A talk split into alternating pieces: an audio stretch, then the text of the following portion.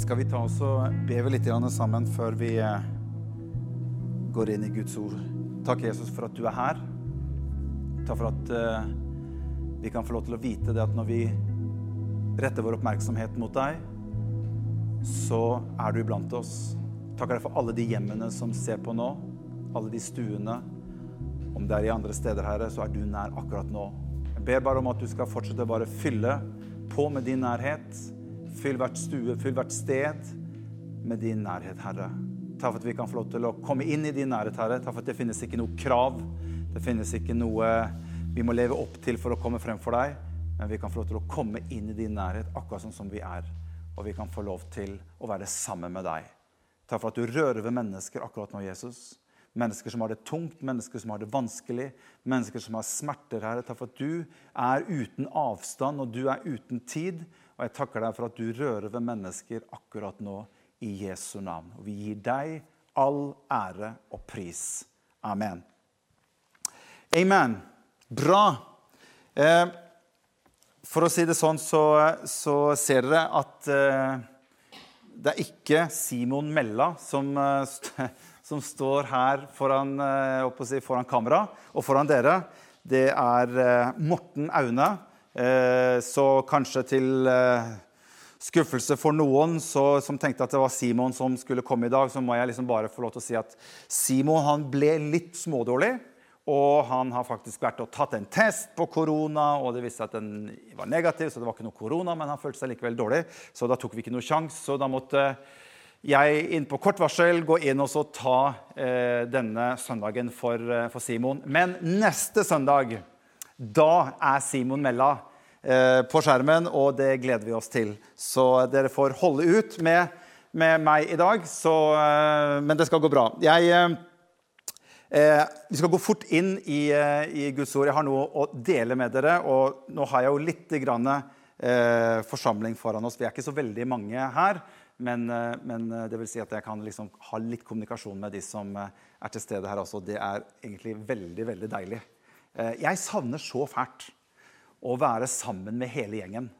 Og bare komme sammen og kjenne liksom den der trøkket og det fellesskapet. og en, en, forsamling som bare løfter sin røst og priser Jesus og, og gir han ære sammen. Det, det må jeg si, det, det, er noe av det jeg savner aller mest. Så jeg, er, jeg gleder meg så fælt til denne her koronatiden er over, og vi kan bare liksom klemme litt på hverandre. Men jeg tror vi får en ny renessanse på dette med å klemme hverandre. For nå er det lenge siden vi har liksom hatt litt kontakt.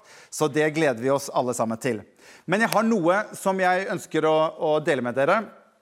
Eh, jeg har kalt det som jeg skal dele med dere i dag, for Du skal ikke ha noen andre guder enn meg. Det er liksom tittelen den kan høres litt sånn voldsom ut, men jeg skal prøve å komme tilbake til det litt etterpå. Men vi skal gå rett inn i teksten som vi skal dele sammen i dag. Og teksten som jeg vil bruke i dag, har jeg hentet ut fra Andre Mosebok, kapittel 35.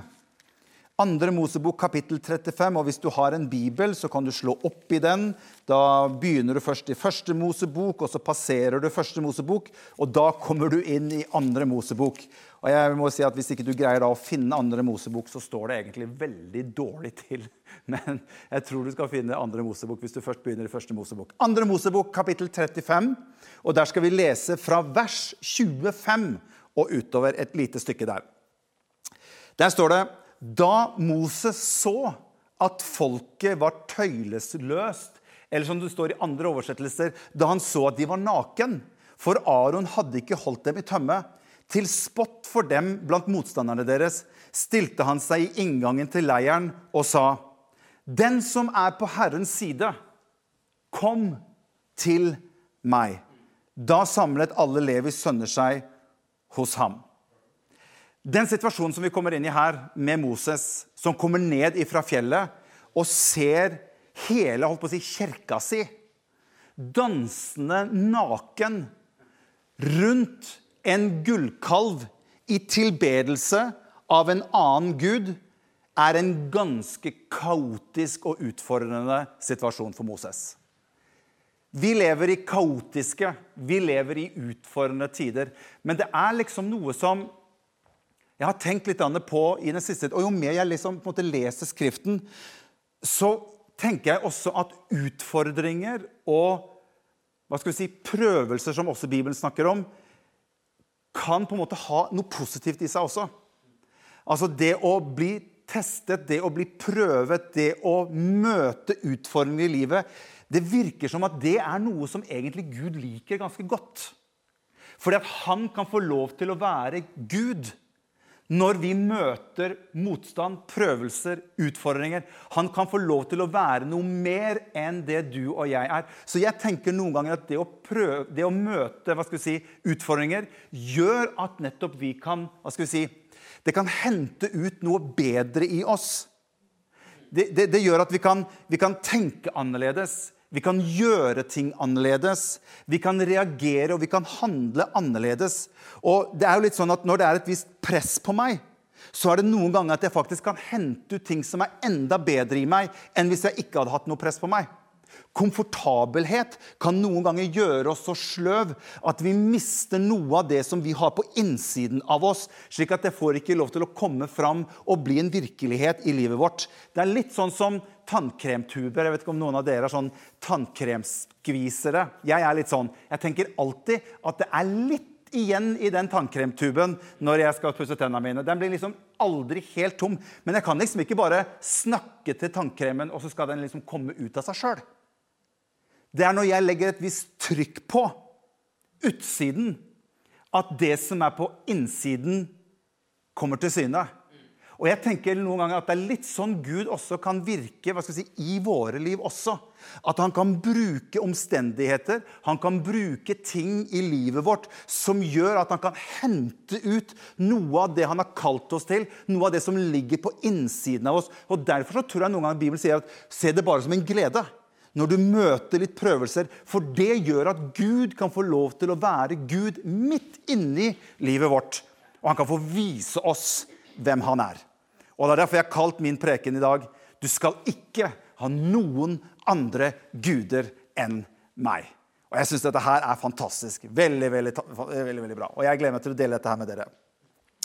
Denne, her, denne, situasjonen her med Moses den er jo ganske kaotisk. Den er ganske hva skal vi si, spesiell.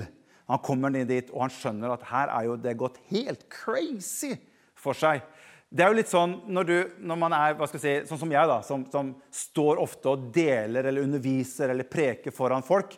Når jeg snakker med medkollegaer, og vi sitter og snakker sammen, så er det veldig mange som har opplevd flere ganger at du kan stå midt i en tale, og så kommer du til et visst punkt, og så bare melder det seg en eller annen sånn tanke i hodet på deg. Dette går ikke så veldig bra. Det, det dukker opp en sånn liten sånn e-post i huet ditt at vet du hva? Nå tror jeg du bare skal gå til avslutning egentlig, så fort som mulig.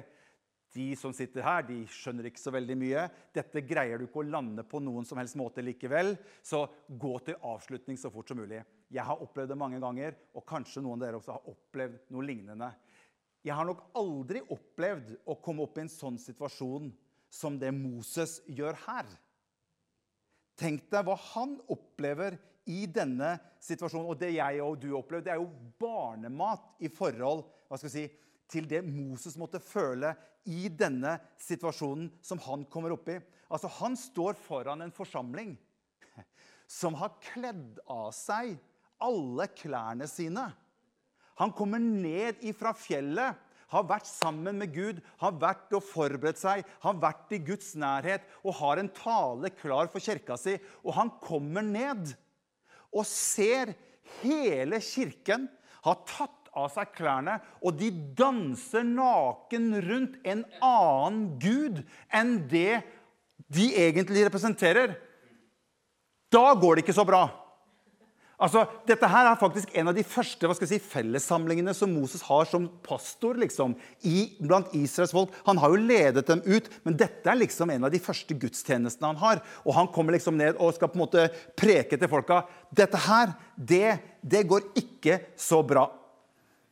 Så han tar jo tak i assistenten sin, eller assisterende pastor, Aron. Tar Aron til side og spør hva i all verden hva er det som skjer? Hva er det som foregår her? Hva, hva, hva, verden, kan, hva, skjer her? Og når du leser i teksten, Det er veldig rart at når du og jeg som menneske når vi blir litt presset på utsiden, når vi kommer opp i situasjoner som er krevende Det er utrolig hvor lett vi har som mennesker å prøve å forandre og vri litt på sannheten i forhold til hva det egentlig sannheten er. For Aron han prøver å bortforklare og så sier han til, Moses at ja, nei, du, at, eh, du skjønner at det som vi, vi, vi, kastet noen sånne gullringer og noen smykker og litt sånt noe her inni, inni et bål. Og, og, så plutselig så bare poppa det ut en, en sånn gullkalv. Bare plutselig ut av ingenting, liksom. Det er det Aron prøver å forklare for Moses. Og det, vet du, det er absolutt ikke det som har skjedd. Men jeg har skrevet et spørsmål her. Hva hadde egentlig skjedd? Hva er det som egentlig hadde skjedd, som ledet opp til dette fatale, egentlig, som skjer her med hele Israels folk? Hør. Israel de hadde vært i Egypt som slaver, som fanger, i 400 år. Det er ti generasjoner av mennesker som har bedt til Gud ukentlig, daglig, bedt en, Gud bedt en bønn til Gud og sier, 'Gud, få oss ut herfra.' Få oss ut av denne knipen. Jeg vet ikke om du har bedt noe sånt der, 'få meg ut av denne knipen'-bønner noen ganger. Jeg har det. Veldig mange har også det. Og jeg tror vi kjenner oss litt i den derre Gud, jeg vet at det jeg har gjort, var galt. Og jeg er så lei meg, Gud. Men om du bare kan få meg ut av denne knipen her, om du bare kan få meg ut av denne situasjonen som jeg er kommet opp i. Gud, om du bare kan få meg ut, så Og så kommer det neste, som vi pleier å si. Så lover jeg at jeg aldri, så lenge jeg lever, skal gjøre det igjen. Den tror jeg vi ganske mange av oss kjenner oss litt igjen i, i en sånn type bønn. Og hør, det er jo det som hadde skjedd. Gud hadde ført de ut. Og Gud hadde ført, ført, Israels folk og jeg vil at jeg skal få med dette, for nå begynner vi å nærme oss sentrum av det som jeg ønsker å dele. Gud hadde ført Israels folk ut på den mest utrolige måte du kan tenke deg. Holdt på å si, Med brask og bram førte Gud Israel ut av Egypt. Og Gud sier selv til Israels folk. Han sier det i 2. Mosebok kapittel 19 og vers 4. Dette er Gud som selv sier. Han sier, 'Dere har sett hva jeg gjorde med egypterne.' 'Og hvordan jeg bar dere på ørnevinger og førte dere til meg.' Det er som Gud sier til Israels folk at 'jeg har virkelig ført dere ut'. Dere har bedt om at jeg skal føre dere ut. Jeg har virkelig ført dere ut. Jeg har brukt lyn og torden. Jeg har brukt gresshopper. Jeg har brukt frosker. Jeg gjorde om elven til blod. Jeg til og med delte Rødehavet i to for dere, så dere kunne gå tørskodd alle sammen over kanskje halvannen million mennesker. Jeg har virkelig ført dere ut. Og ikke nok med det, så stoppet jeg farao og hele hans armé. Og ikke bare det. Jeg begravde hele Egypts armé i Rødehavet. Rett foran føttene på dere, nesten som en fotskammel foran dere. Bare for å vise dere at dere er mitt folk, og jeg er deres Gud. Og ikke bare stoppet det der, sier Gud liksom til Israel. Ikke bare stoppet det der, Men når dere var på vei ut Dere var jo fattige slaver. Og ikke bare stoppet det der, men jeg overførte rikdom ifra Egypt til dere så mye dere greide å bære med dere av gull og sølv og verdier. Jeg velsignet dere på alle måter. Jeg satte klær på dere, jeg satte sko på dere, og jeg to, gjorde til og med sånn at verken klær eller sko ble slitt så lenge dere gikk i ørkenen. Jeg har virkelig ført dere ut. Og jeg ønsker å si til deg, sier Gud, at jeg er din Gud. Og ved siden av meg fins det ingen som kan lignes med meg. Dere er mine, og jeg er deres Gud. Og så er det liksom som Gud på en måte sier Og midt i all denne godheten som jeg har vist mot dere, med så mye jeg har gjort for dere med å føre dere ut, så greier dere å gå bort. Dere har ikke før blitt fri ut av Egypten, som dere har bedt om at jeg skulle løse dere ut fra. Dere har ikke før blitt kvitt problemet, for dere bare vender dere bort ifra meg som deres Gud og begynner å tilbe en annen Gud. Og det er dette her som er det helt utrolig merkelig som foregår i denne teksten her. Har dere glemt, sier Gud, at det var jeg med min mektige hånd som førte dere ut i frihet og førte dere inn i seier? Og Det er derfor David han sier det så fantastisk i Salme 103, vers 2. Han sier, 'Velsign Herren, min sjel'. Og sier han, 'Og glem ikke alle hans velgjerninger'. Hva er det som skjer når du og jeg glemmer hva han har gjort? Hans kongedømme og han som Gud minsker så kraftig i våre liv at vi faktisk glemmer hva han har gjort for oss. Derfor er det så viktig for oss å ikke glemme hva Gud har gjort for oss. Og Det er dette som jeg syns er litt sånn inni den teksten. her, For det, det er ikke nakenheten som er liksom det verste her. Det er ikke det at liksom de har tatt av seg klærne. Det er ikke det som er problemet i den teksten her. Jeg mener, Det er ikke klærne som gjør deg hellig. Men Du kan kle deg så hellig og åndelig som du bare orker, men du kan være svart som den mørkeste natta på innsiden. Så det er ikke klærne som i utgangspunktet er problemet her. Men at de i det hele tatt evner At det i det hele tatt er mulig, etter alt Gud har gjort, å snu om fra noe som er så bra, til noe som er så dårlig i løpet av så kort tid. Og det er nesten som Gud sier at du bruker meg når du trenger meg, men du glemmer meg fort når jeg gjør noe for deg. Og det er denne kontrasten her som er det som skjer når Moses kommer ned fra fjellet. For Moses han er oppå fjellet, og de Israels folk er jo liksom litt nede i dalen. Og Det er dette som er kontrasten i denne teksten. her. For at Moses han er oppå fjellet, og oppå fjellet så får Moses en beskjed fra Gud. Han på en måte skriver de stendene dere skal ikke ha noen andre guder enn meg. Men samtidig, nede i dalen, så gjør hans folk det stikk motsatte. De lager en ny avgud, mens Moses får beskjed om på fjellet at du skal ikke ha noen andre guder enn meg. Og det er dette som møtes når Moses kommer ned, og han ser alt dette rundt seg. Og når jeg tenker, når vi snakker om dette med at Gud sier at dere skal ikke ha noen andre guder enn meg, da tenker jeg vet ikke hvordan det er med dere, men jeg tenker litt sånn, det er sånn budet. Det er sånn de ti bud.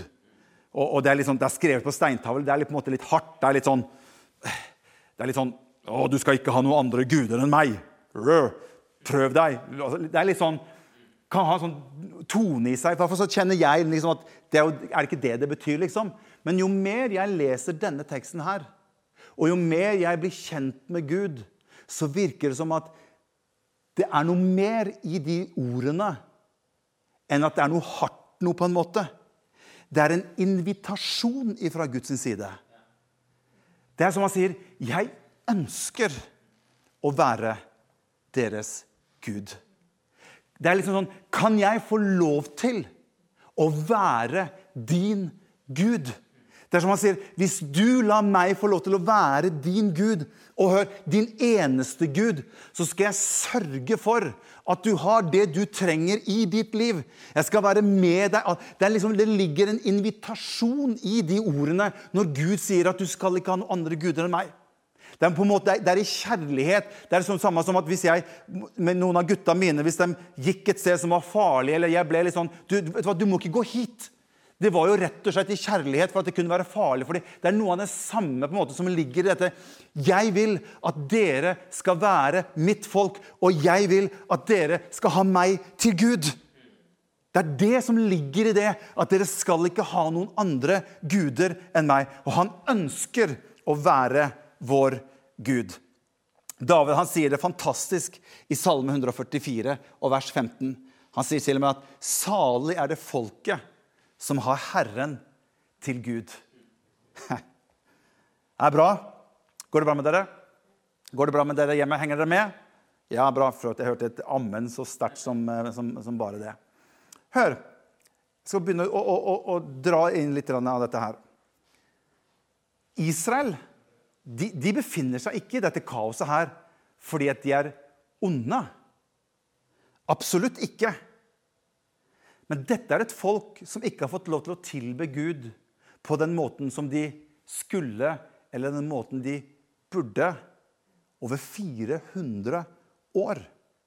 Og hør De har vært så oppi dette livet i Egypt at Egypt med sine kulturer, sine skikker, sine måter å gjøre ting på, sine tankeganger, sine guder, har begynt mer og mer å influere tankesettet og måten Israels folk levde på. Så de begynte å, å, å, hva skal vi si, de begynte å kompromisse i forhold til sin tro for kanskje å få en slags form for aksept i et rike de selv ikke representerte. Så de begynte å ta til seg skikker og ble påvirket av Egypt sin kultur. Og kanskje hva skal jeg si, adopterte noe av det, kanskje i håp om at egypterne skulle synes bedre om de hvis vi gjør det. Og jeg har skrevet her Vær forsiktig med å kompromisse for mye for å passe inn. Og Det er det Jesus snakker om når han sier, 'Far, jeg ber ikke om at du skal ta dem ut av verden, men jeg ber om at du skal bevare dem i denne verden.' De hadde kompromisset over så lang tid for å hjelpe til med å bli akseptert. Og Israel folk hadde vært så lenge under egyptisk innflytelse i sine liv hvordan vet jeg det? Jo, for når de kommer ut av Egypt, og de skal lage sin egen gud, hva ender de opp med? Jo, de ender opp med å forme en gullkalv, som er en egyptisk gud, midt i Israels leir. Så mye innflytelse hadde de fått at det gudebildet de egentlig skulle ha, hadde blitt så sløret bort at når de skulle prøve å forme en gud, så kom det opp en egyptisk gud når de skulle forme en gud. Da har du vært under påvirkning ganske lenge. Og det er dette som er farlig og utfordrende for oss. Og det er dette Paulus er så klinkende klar når han skriver i Romerne kapittel 12 og vers 2. Der sier han noe fantastisk. Jeg har bare oversatt message-oversettelsen. Da sier Paulus.: Ikke bli så velformet til din kultur og passer så inn uten i det hele tatt å tenke over det. I stedet, rett din oppmerksomhet mot Gud og bli forvandlet fra innsiden og ut, ikke fra utsiden og inn. Vår forvandling skal ikke skje fra utsiden og inn. Det er fra innsiden og ut ved Guds ånd som forvandler oss så du til enhver tid kan forstå hva han ønsker fra deg. Og du og jeg vi kan raskt respondere tilbake. Da vil du forstå hva som er Guds gode, velbehagelige og fullkomne vilje. Det er det som skjer her med Israel. Akkurat det samme som Paulus snakker om til oss i dag. At vi kan bli så velformet i forhold til den kultur og den livet som vi lever i, omgivelsene våre, og jeg har skrevet her hvor mye av mitt gudsbilde er formet av ting rundt meg. Og jeg kan spørre dere som sitter hjemme, du som sitter hjemme, hvor mye av ditt gudsbilde er formet av ting rundt deg? Vi skal gå til avslutning.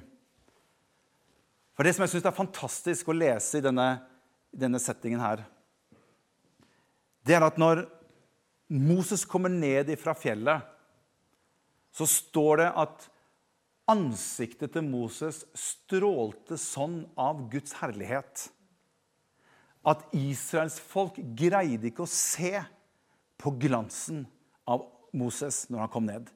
Han hadde et så sterkt lys over seg at de måtte legge et lite teppe over hodet på Moses når han skulle snakke til Israels folk. Jeg har, jeg har filosofert mye rundt hva, hva, det der er for noe. Om, om hva, hva, Moses Når Moses hadde sett baksiden av i det Gud gikk forbi, så hadde Gud sagt at du skal stille deg i klippen. Hva er klippen et bilde på? Klippen er et bilde på Kristus. Hva er Kristus et bilde på? Og Kristus er et bilde på den nye pakt som skulle komme. Med en herlighet som er så for dere som vet Bibelen, som er så mye, mye større og sterkere og herlig. For Bibelen snakker om at den, den herlighet som var i den gamle pakt, den tok slutt. Men den nye pakts herlighet, den skal bestå til evig tid. Kanskje Moses kom i kontakt med noe av den nytestamentlige herlighet som gjorde at folket, når de så det på Moses, så opplevde de seg som syndere med en gang. Det var en renhet og det var en herlighet rundt Moses når han kom ned, som de ikke hadde vært borti før. Abraham skjer det samme. Det står om at Abraham han så Herrens dag, og det ble regnet han til rettferdighet. Kanskje Moses rører borti noe her som gjør at folket fikk se og ane noe av den herlighet som skulle komme. Og Det som jeg syns er så fantastisk med denne teksten Og jeg syns jo egentlig at Moses lander dette fantastisk bra. For at når han kommer ned og ser hva folket holder på med, så på nytt igjen Enda så grusomt det egentlig er, det de gjør, så retter Gud ut en ny hånd til Israels folk med et budskap om hvem vil være på Herrens side. Det er det første som kommer ut av Moses sin munn etter å ha vært i Guds herlighet, og han kommer ned og ser folket så fortapt som de er. Hva er budskapet til Moses? Det kunne jo vært ut ifra loven at her bare slår vi alle i hjel. For dette går bare ikke. Men Gud ønsker på nytt igjen og på nytt igjen og på nytt igjen å nå deg og meg og gi oss en ny sjanse. Derfor så sier Moses dere kan få en ny mulighet til å vende om og følge den rette, sanne Gud. Hvem er på Herrens side? Du kan få lov til å vende om i dag. Og det er det som er budskapet det er det som er selve kjernen i det som skjer her. Det er at Gud kommer inn i situasjonen, og de får en ny mulighet til å vende om. Gud elsker å gi deg og meg en ny sjanse, men det er jeg som må gripe den. Det er jeg som må ta den, det er jeg som må gjøre noe med den. Og jeg tenker i den tiden som vi lever i nå, og jeg kjenner at Gud legger noe av dette på mitt hjerte. Den tiden vi lever nå, er så utfordrende på så mange måter. Og vi snakket litt før vi skulle spille inn her, hvordan jeg kommer litt mer aleine i mitt eget liv sammen med Gud. Og jeg har bare et budskap til oss alle sammen og til dere som sitter og ser hjemme. Gud ønsker å være din Gud, og bare han. Ikke noe annet. Det er så lett i den tiden her at ting sniker seg inn på mange forskjellige måter og kan bli noen slags for sånne små alternative guder som vi nesten på en måte går rundt og tilber i den tiden som vi er i nå. Vi må være forsiktige så ikke andre ting får lov til å komme inn og ta den oppmerksomheten som vår Gud skal ha. Han ønsker å være vår Gud, og vi skal få lov til å være hans folk. Derfor skal jeg ønske å avslutte med dette, og så skal vi synge litt sammen. Første Tessalonikerbrev, kapittel 5 og vers 14. Det er lovsangen, det kan bare komme fram, så skal vi synge. Første Tessaloniker, kapittel 5, vers 14. Dette er bare en sånn oppfordring til oss alle sammen, er dere som sitter hjemme, i denne tiden som vi lever nå. Der står det 'Vær alltid glade'. Ja, Når Bibelen sier at 'vær alltid glade', så er det faktisk en mulighet utover vår egen forstand å være glade. Paulus han sier til, til menigheten i Tessalonika, vær alltid glade. Be uavbrutt. Ha denne, denne connection med Gud hele tiden. Ikke være sånn at du på en måte bare går inn og ut, men la det være noe på innsiden av deg som alltid på en måte kobler mot Gud. Og så sier han, og takk Gud under alle forhold. Det er mulig, uansett hvilken situasjon du og jeg er i, så er det mulig å takke Gud under alle forhold. Og gjør du og jeg det, som blir han Gud. Han blir den høyeste, han blir den største. Han er den Gud som han ønsker å være. Du og jeg, vi skal ikke ha noen andre guder enn vår Gud. Amen. Vi synger litt sammen.